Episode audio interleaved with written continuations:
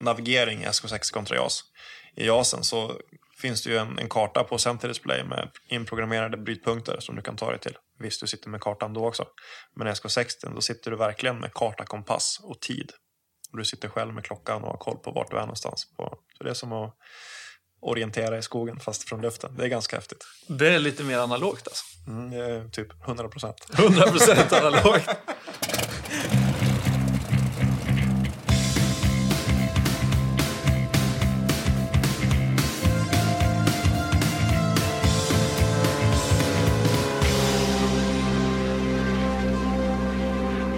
Hej och välkomna till dagens avsnitt av Flygpodden med mig Marcus. Och idag har vi väldigt fint besök, militärt besök från Flygskolan här i Linköping, även kallat Flyg S.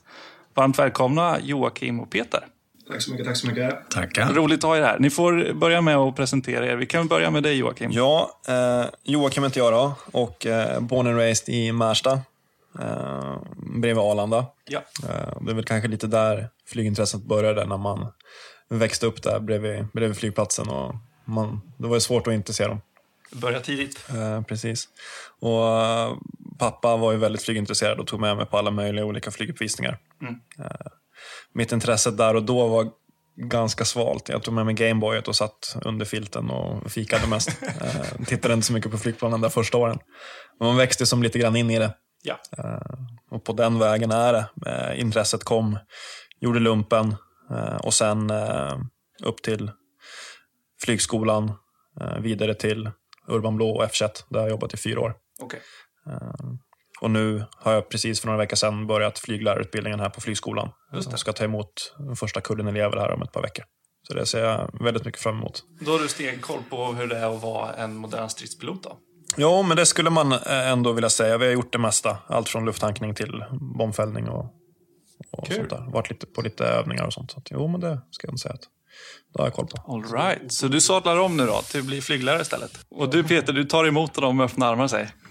Ja, jag jobbar ju normalt med, eller min viktigaste uppgift är att utbilda nya lärare som kommer till oss så att de eh, lär sig hur de ska behandla våra elever.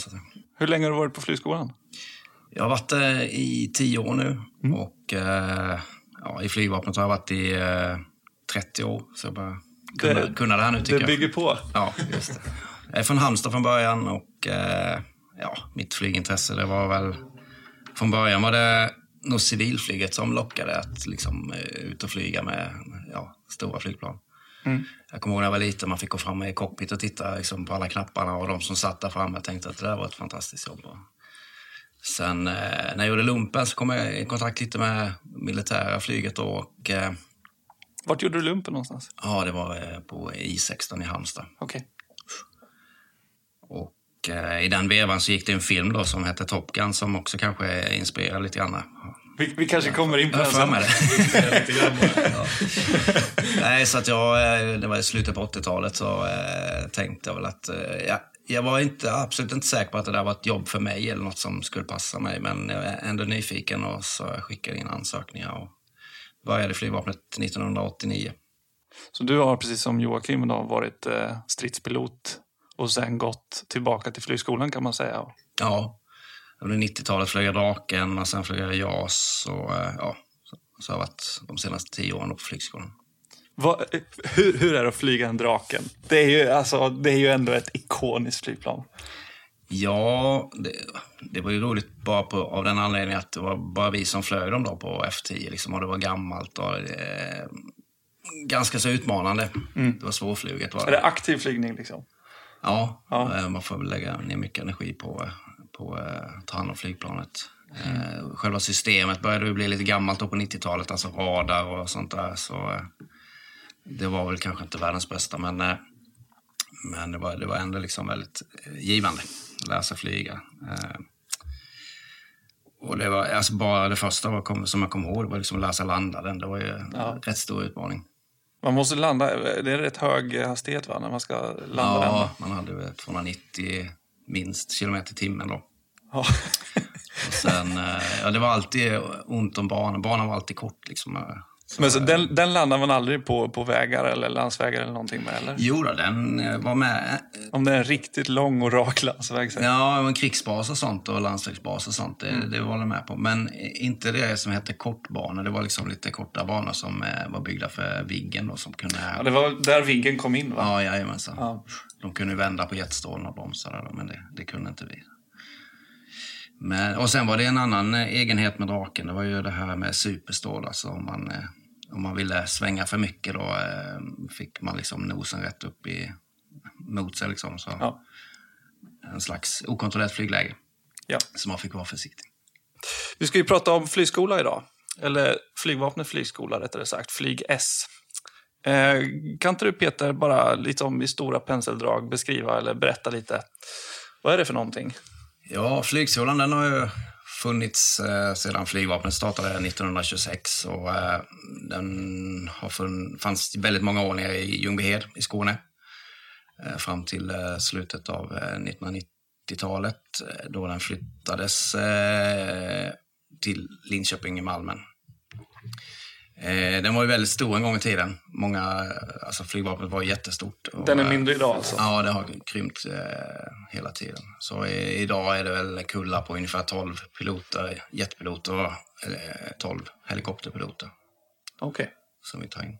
just det. Hur, hur stor var den liksom på Ljungbyhed? Ja, jag kan tänka mig att de som mest någon gång så på 50-60-talet utbildade säkert upp 100 elever liksom, på ett år. Så det är från 100 till 12 ungefär. kan man säga att det är, de av de 12 så är det väl generellt så att fyra av dem går till transporten och åtta till de spetsiga stridsflygen. Ja, just det. Också. Ja. Så det blir ju ytterligare färre då. ja. Men det är den kapaciteten som finns. Hur, många, hur många flyglärare är det? Det vi är ju ganska bortskämda som lärare för att eh, vi har ju nästan lika många lärare som elever. Och, eh, så, så är det ju väldigt väl förspänt som, som, som skola. Och eh, sen är de hos oss i två år, kanske jag ska säga också. Eh, och eh, vi har ju även helikoptereleverna då, som Mm. flyger helikopter. Men SK60 är flygplanet som eh, de som vi jobbar med, då, jag och Okej. eh, Joakim. Men då finns det lite sån common ground mellan både helikopterpiloter och, och stridspiloter liksom, i utbildningen då, kan man ju tro. Ja, det är ju inte jättemycket gemensamt de har eh, egentligen, men vi, är- vi är i alla fall i samma, samma lokaler. Samma lokaler. Ingen, är det inget teoretiskt? Lite flyglärare, måste lite De, flygregler. de och... kan få möta oss i innebandy ibland. Det, bru- det brukar vara så att de efter ett tag inte vill göra det längre. Okej. De är lite sämre på det. Ja. Fin- Finns det, skapas det någon rivalitet? eh? Absolut inte. Absolut. ja, jag tror vi ska... Ja, vi går vidare helt enkelt. Men flygskolans roll idag då? Den, den, den är lite mindre än eh, tidigare, men eh, har den samma syfte? Ja, alltså syftet med att utbilda stridspiloter i generella eh, hänseenden, det är ju för att vi ska kunna producera ut insatspiloter eh, som kan fylla våra divisioner. Eh, och divisionerna är ju staten Sveriges verktyg för att hävda den territoriella integriteten som det krävs att, för att ha en, en, en statsmakt egentligen. För att kunna säga att vi är staten Sverige så krävs det att vi, kom, vi har någon som övervakar och kan eh, åka upp i händelse av kris, eh, stötta i händelse av krig, att det är någon som någon part som beter sig på ett visst sätt så ska man åka upp och, och avvisa Ja. eh, och i, i senare skeden angripa en fiende helt enkelt. Mm. Eh, och det är det som är syftet med att utbilda piloter på flygskolan. Är att, att eh, kunna producera insatspiloter Ja. eh, som har de uppgifterna i, i ett senare läge. Hur, vad, vad tror ni är främsta anledningen till att det har blivit eh, en så pass mycket mindre skola om man jämfört med tiden på Ljungbyhed när det var 100 elever? Liksom, och är det, är det liksom bara ekonomiskt eller är det en annan typ av liksom, roll flygvapnet har idag? Ja, alltså man hade en helt annan numerär. eh, Många fler flygplan, många fler flygdivisioner förr i tiden. Och i, idag är det färre flygdivisioner och, och piloter. Då, så, men istället så är ju flygplanen idag mer eh, kompetenta. Liksom. Ja, Mer, mer tekniskt avancerade och kan mycket mer saker än vad de kunde då. ja. Man, blev- man klarar sig på färre flygplan helt enkelt. Ja, det kan man väl säga. Men sen är det väl, ja, att vi har färre idag, det är väl också att det, är så, det har blivit dyrare liksom. Och, och, och ja, allting egentligen. Så att Mm. det är en ekonomisk fråga också. Ja. Ja, men sen kalla kriget så har ju flygvapnet blivit lite mindre. Eh, Mm. Men det som Peter säger, att tekniken har ju kompenserat lite för det genom att man kan göra fler saker och vapnen har blivit, blivit bättre också. Eh, Och alla andra sensorer som finns. Mm. Man skulle kunna säga så här faktiskt att den har blivit, den har blivit lite mindre av eh, ytterligare en anledning. Eh, Inte bara för att eh, det har, ja, flygvapnet blivit mindre utan man behöver inte ta in lika många elever längre. För på den tiden när man tog in 100 elever så klarade inte sig alla 100 eleverna genom utbildningen. Det ska man komma ihåg för att uttagningsprocessen var inte lika avancerad som den är idag. Det. I dagsläget när man tar ut 12 stycken piloter mot fixed wing, då fyra, exempelvis då fyra mot transport och åtta mot, mot spets. Eh, varierar lite grann från år till år. Mm. Eh, men då är tanken att alla 12 ska klara att genomföra utbildningen. Så man ska ha ett hundraprocentigt utfall av utbildade elever. Eh, till skillnad från då förut när man tog ut 100 elever. Så, rätt som jag har fel, men då kanske det var mellan 20 och 40 stycken som inte klarade utbildningen. Eh, och då gör man på det här sättet med uttagningsprocessen. Dels för att tjäna pengar, för att utbilda någon som inte klarar utbildningen är ju väldigt onödigt. Det kostar ju mycket pengar. Ja, gud ja. Eh, Så då tar man och lägger ner den tiden innan utbildningen börjar för att verkligen testa på alla plan om en individ eh, och person är lämpad. Eh, Och det har ju då lett till att, att procenttalet av antal elever som klarar varje år har ökat väldigt, väldigt mycket. Man, man kan säga att man har optimerat liksom, eh, hela utbildningen egentligen. Exakt. Och man har blivit lite smartare och eh, liksom bättre på att utnyttja resurserna. Ja, Man har utvärderat under väldigt många år och kommit Ja. fram till ett, ett bra sätt att, att ta ut ja, personligheter och, och eh, vissa typer av intelligens som passar för att vara stridspilot. Ja, alltså vad är det för, liksom om man pratar om karaktär och så vidare? För att det, det är väl egentligen fritt fram för vem som helst att söka.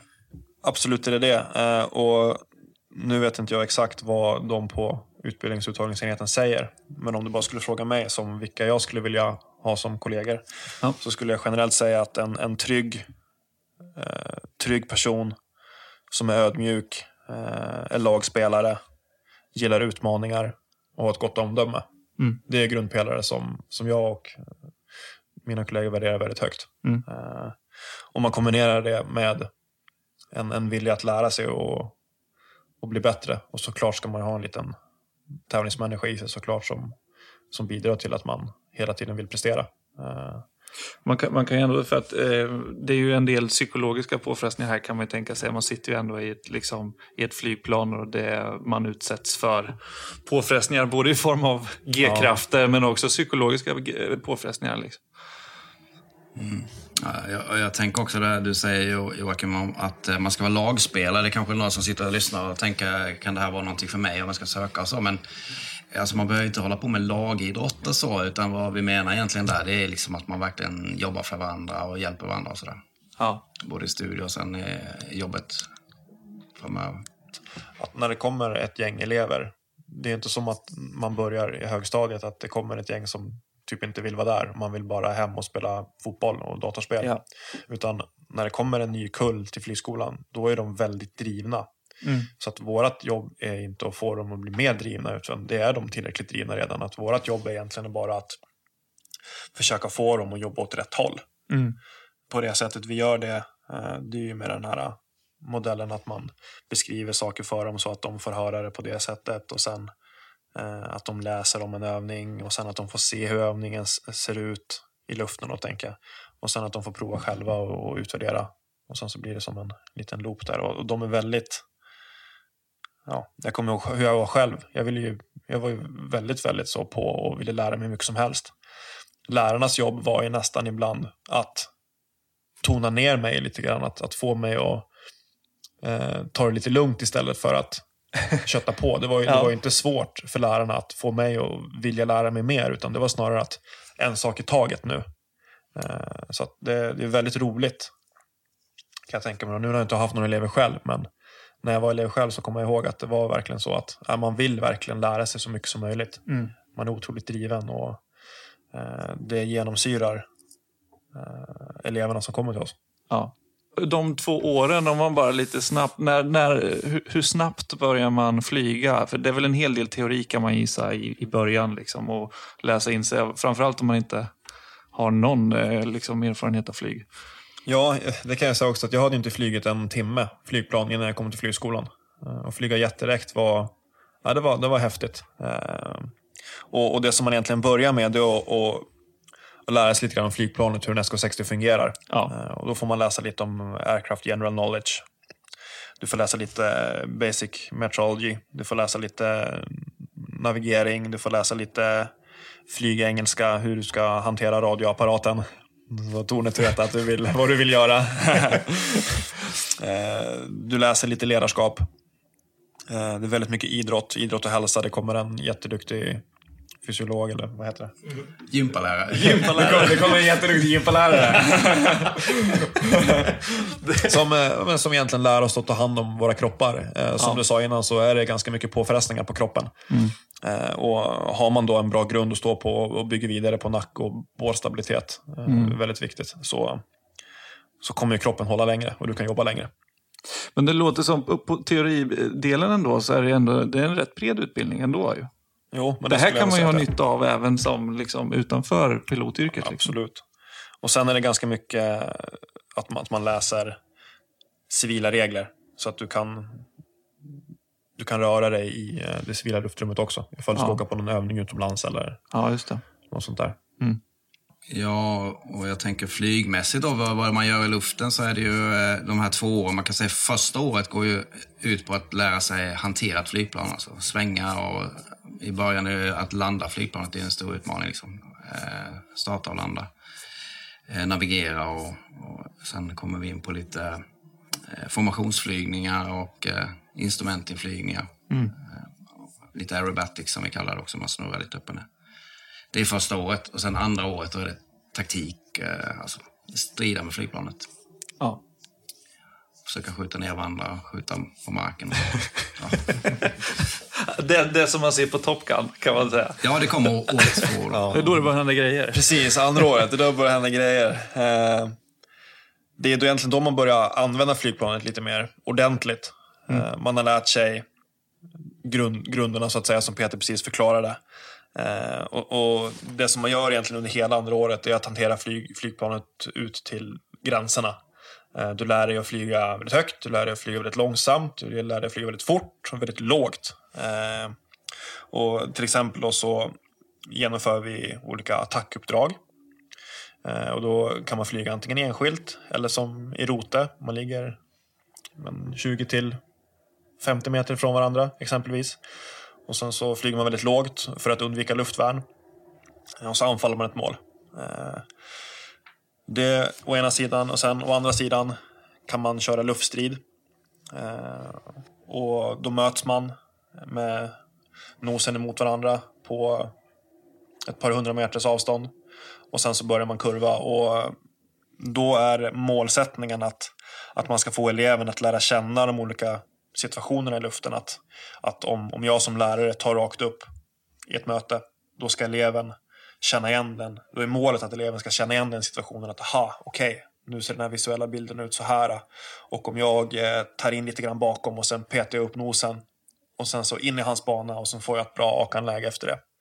Eh, och det kan ju vara så att eleven gör fel ibland och då som lärare får man vara, var inne och peppa lite grann och så får de försöka en gång till.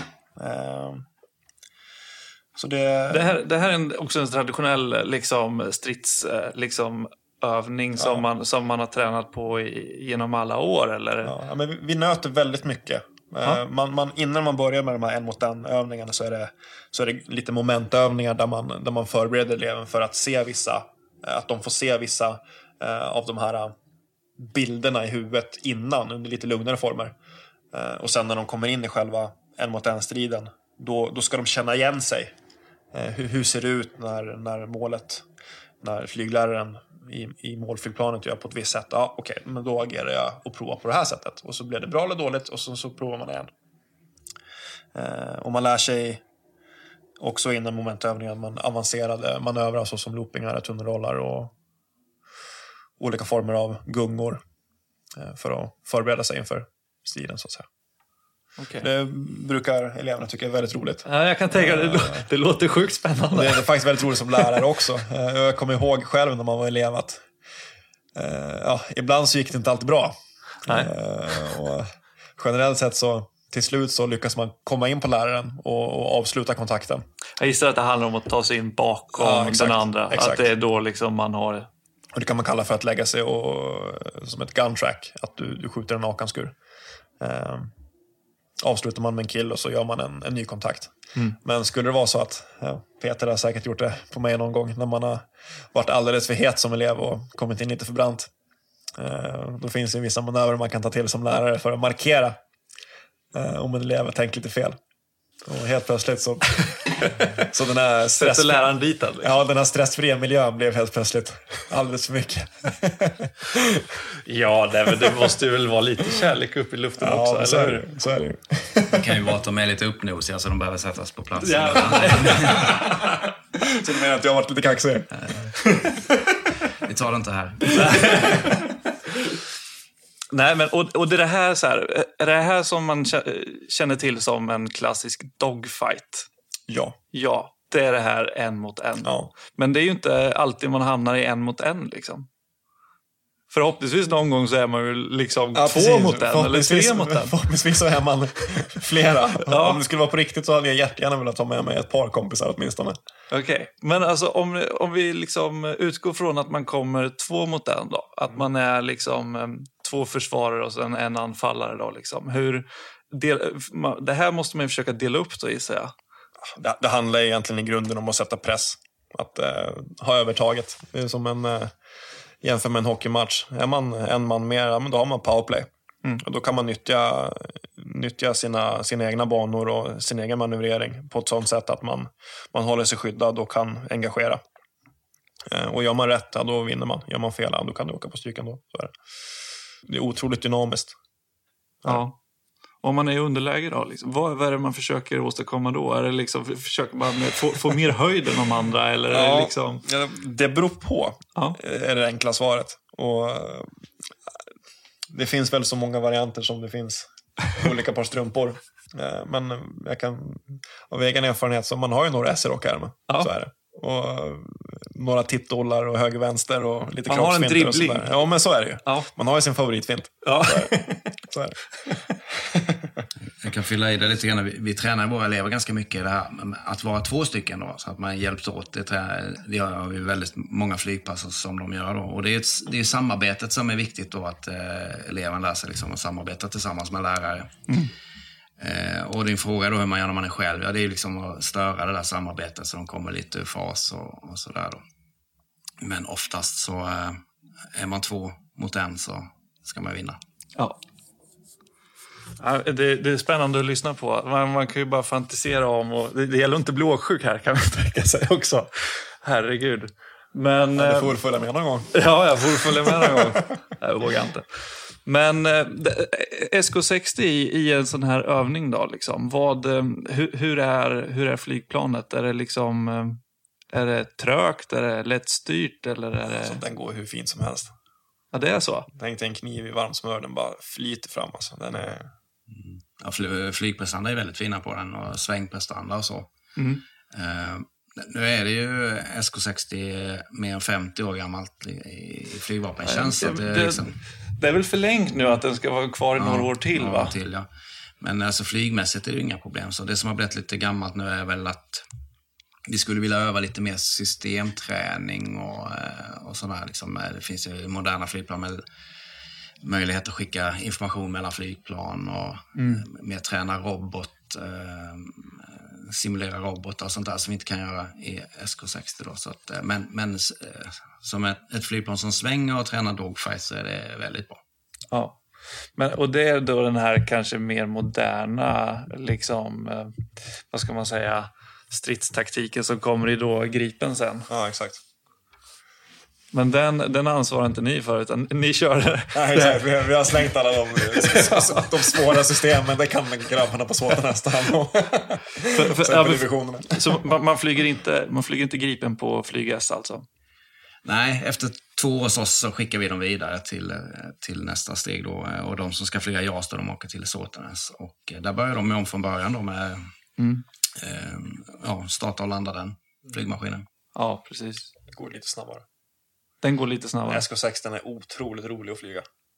Ja, du, du har ju gått från Gripen till Ja. SK60. Ja, men från, från två år på SK60 till fem år på Gripen och nu tillbaka på SK60. Ja. Ja, Jag tycker det är otroligt roligt. Det är otroligt roligt att flyga Gripen också. Det är ett väldigt fint flygplan som går otroligt bra också. Och alla system, jag tycker om systemen. Eh, Men det, SK60 är fin alltså. Men liksom, vad, vad är den största skillnaden? Vad är det som... eh, SK60 är lite långsammare. det, är den, det är den första skillnaden. Men alltså flyg, flygmässigt, så här, förutom fart då? Den andra skillnaden är att SK60 kan jag inte bromsa med. Eh, Det Delta-flygplanet som, som är JASen då, där kan jag bromsa på ett helt annat sätt och bli av med fart. Eh, SK60 den är så hal. eh, Så att den, har man för mycket fart, då är det svårt att bli av med Samtidigt så kan du lura ner ett Delta-flygplan i låg fart, ja då vinner SK60. Det är det som är så bra. Det är så? Jajamän. Det är ju fräckt alltså. Det är bra gjort av ett så gammalt flygplan. Ja, ja den är otroligt fin SK60. När den kom så måste den ha varit helt outstanding. Ja, då hade den i och för sig lite halvdåliga motorer, men de är ju fina nu. Ja, Sen en skillnad är ju också med JASen att det finns ju mycket mer hjälpmedel. Det, det blir mer ett hantverk med SK60. Eh, Det finns ingen autopilot till exempel som håller höjden eller så. Och det är ju, tycker vi ju är rätt så bra för då får eleverna träna ordentligt och lära sig hantverket. Sen kan de få ha lite hjälpmedel sen längre fram då när de flyger JAS. En skillnad också som är ganska intressant, det är ju det här med navigering i SK6 kontra JAS. I JASen så finns det ju en, en karta på Center Display med inprogrammerade brytpunkter som du kan ta dig till. Visst, du sitter med kartan då också. Men i SK60 då sitter du verkligen med karta, kompass och tid. Och du sitter själv med klockan och har koll på vart du är någonstans. På. Så det är som att orientera i skogen fast från luften. Det är ganska häftigt. Det är lite mer analogt alltså. Mm, det är typ 100 procent. 100% analogt. ja, nej, men det måste ju vara en enorm skillnad.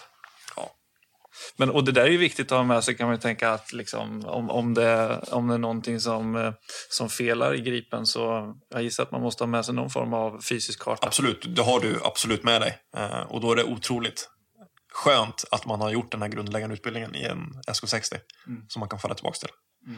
För att när du flyger Gripen då på, på den låga höjden och du ska leverera vapen då har man inte riktigt tid att alltid titta på kartan utan då fokuserar man på att flyga rakt fram till sin brytpunkt och leverera vapnet istället. Det Liksom. kan inte vara helt, det kan inte vara helt lätt att, att navigera heller. Alltså, jag tänker, även fast um, SK60 är lite långsammare, men alltså, det måste ju gå ändå rätt fort.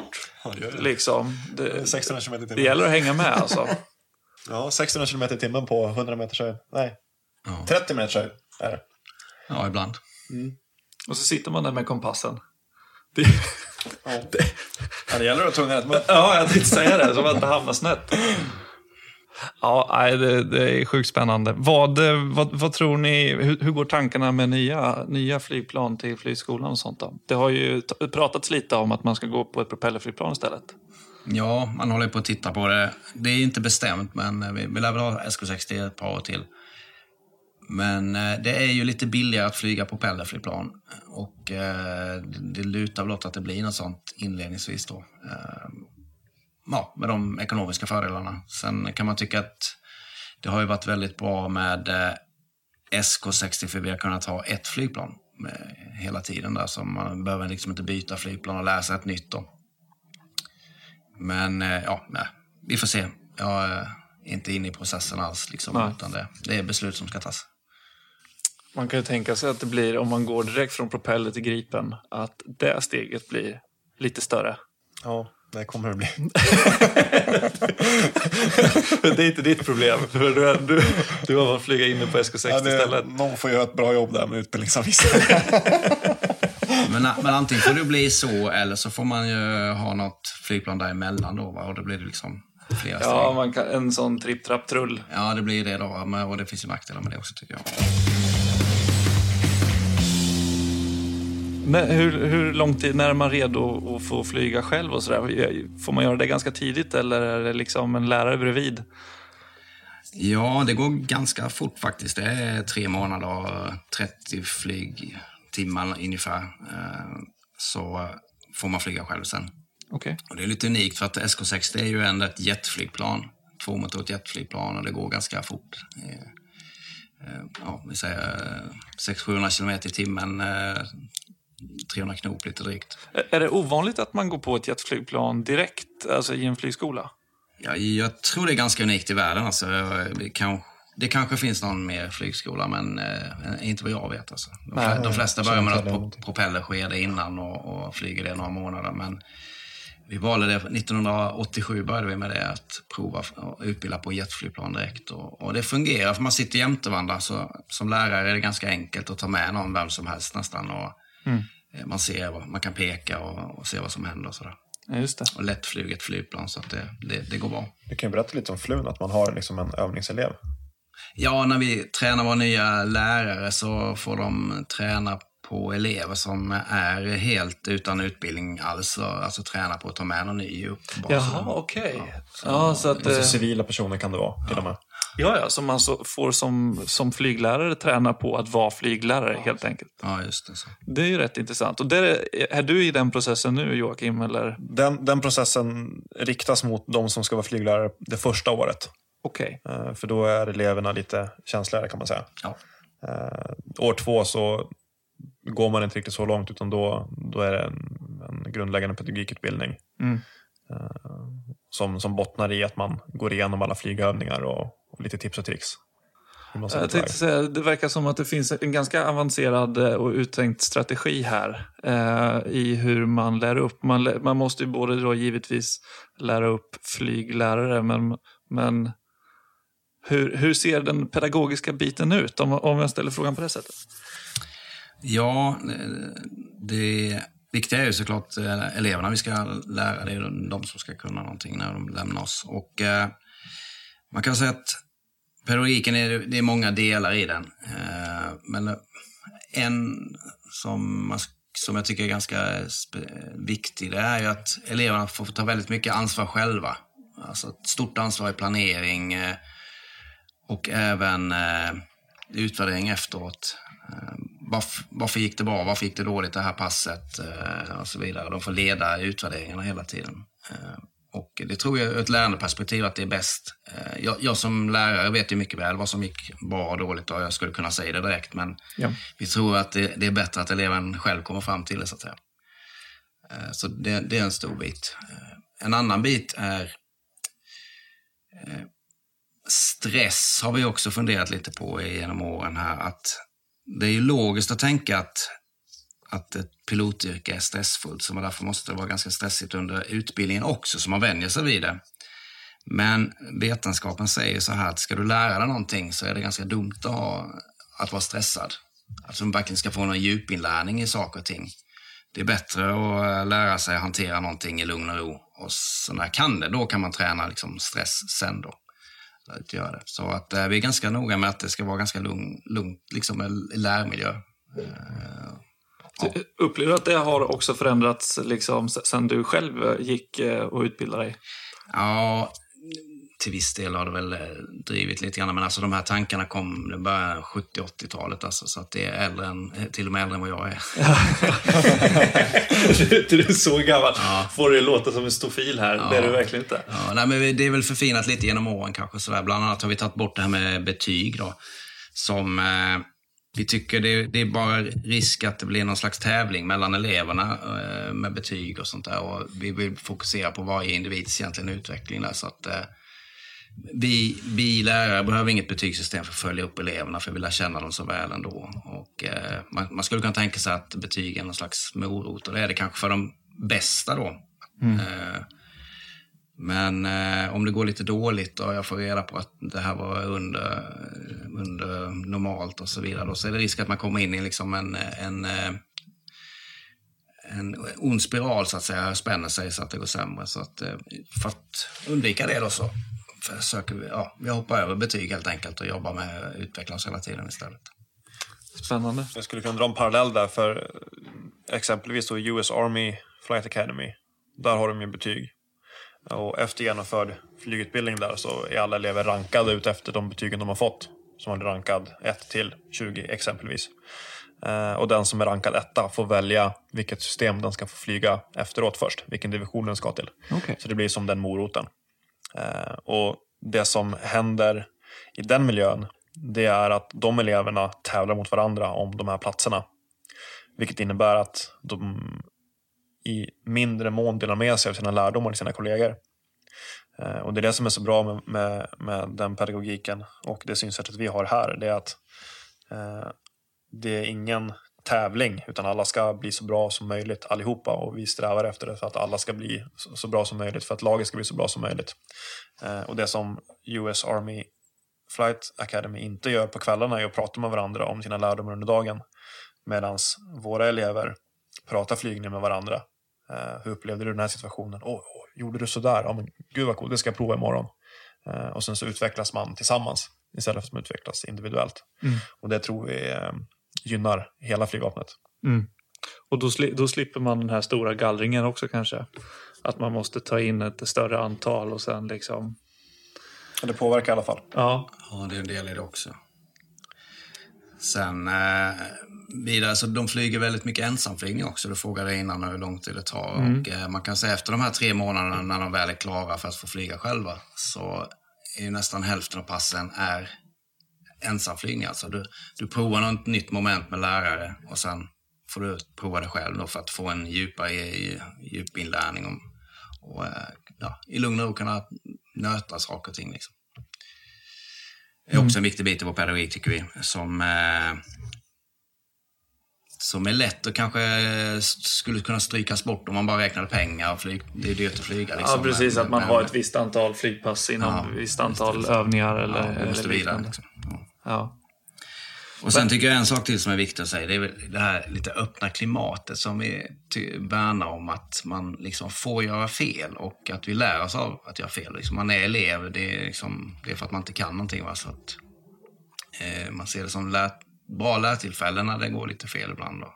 Ut, utvecklas vi av det där istället. Tillåts att vara nybörjare. Ja, precis. Så kan vi Ja. uttrycka det. Otroligt viktigt att vara prestigelös.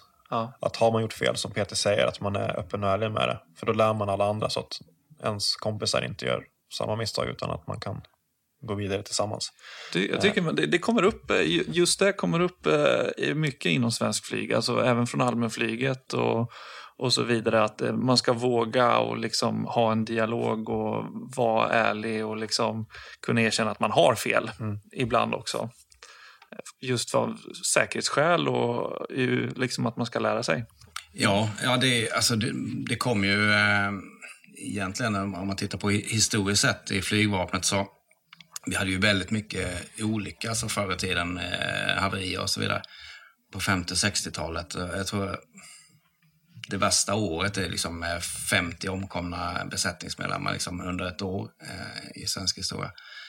Eh, Men i alla fall på slutet på 60-talet, början på 70-talet så började man titta över det här och då växte det här fram det här systemet att jag kan anmäla något som har gått fel utan att bli liksom straffad för det eller så. Utan man, man liksom kan anmäla saker som har gått illa och så lär vi oss av det. Och organisationen lär sig av det. Och det där har ju spritts då, men- det är ett ganska gammalt system egentligen i flygvapnet. Eh, Onekligen väldigt, väldigt intressant. Nej, men det var väldigt trevligt att ha er här. Det var väldigt kul att få komma hit. Ja, Tack. Snacka lite skit. Ja, men snacka lite skit. Ja, vi sitter ju i fin, fina lokaler idag. Vi sitter ju längst upp i den här Sky Hotel på tornet Linköping. Utsikt över eh, Saabfältet och så vidare. Så det är Det är nästan lite läskigt här om man tittar neråt. lite höjdrädd. Ja, men alltså att, att vara högt upp utan att ha fart framåt, det är läskigt för mig. Nej, roligt att ha er här. Ja, tack så. Kanske att jag bjuder in er igen. Vi får väl se om vi kör en Flygskolan del två. Ja. Det känns som att det finns en del att täcka upp. Ja. Tack så mycket. Roligt att ha er. Tack, tack. Tack, tack. Hej då. Hej.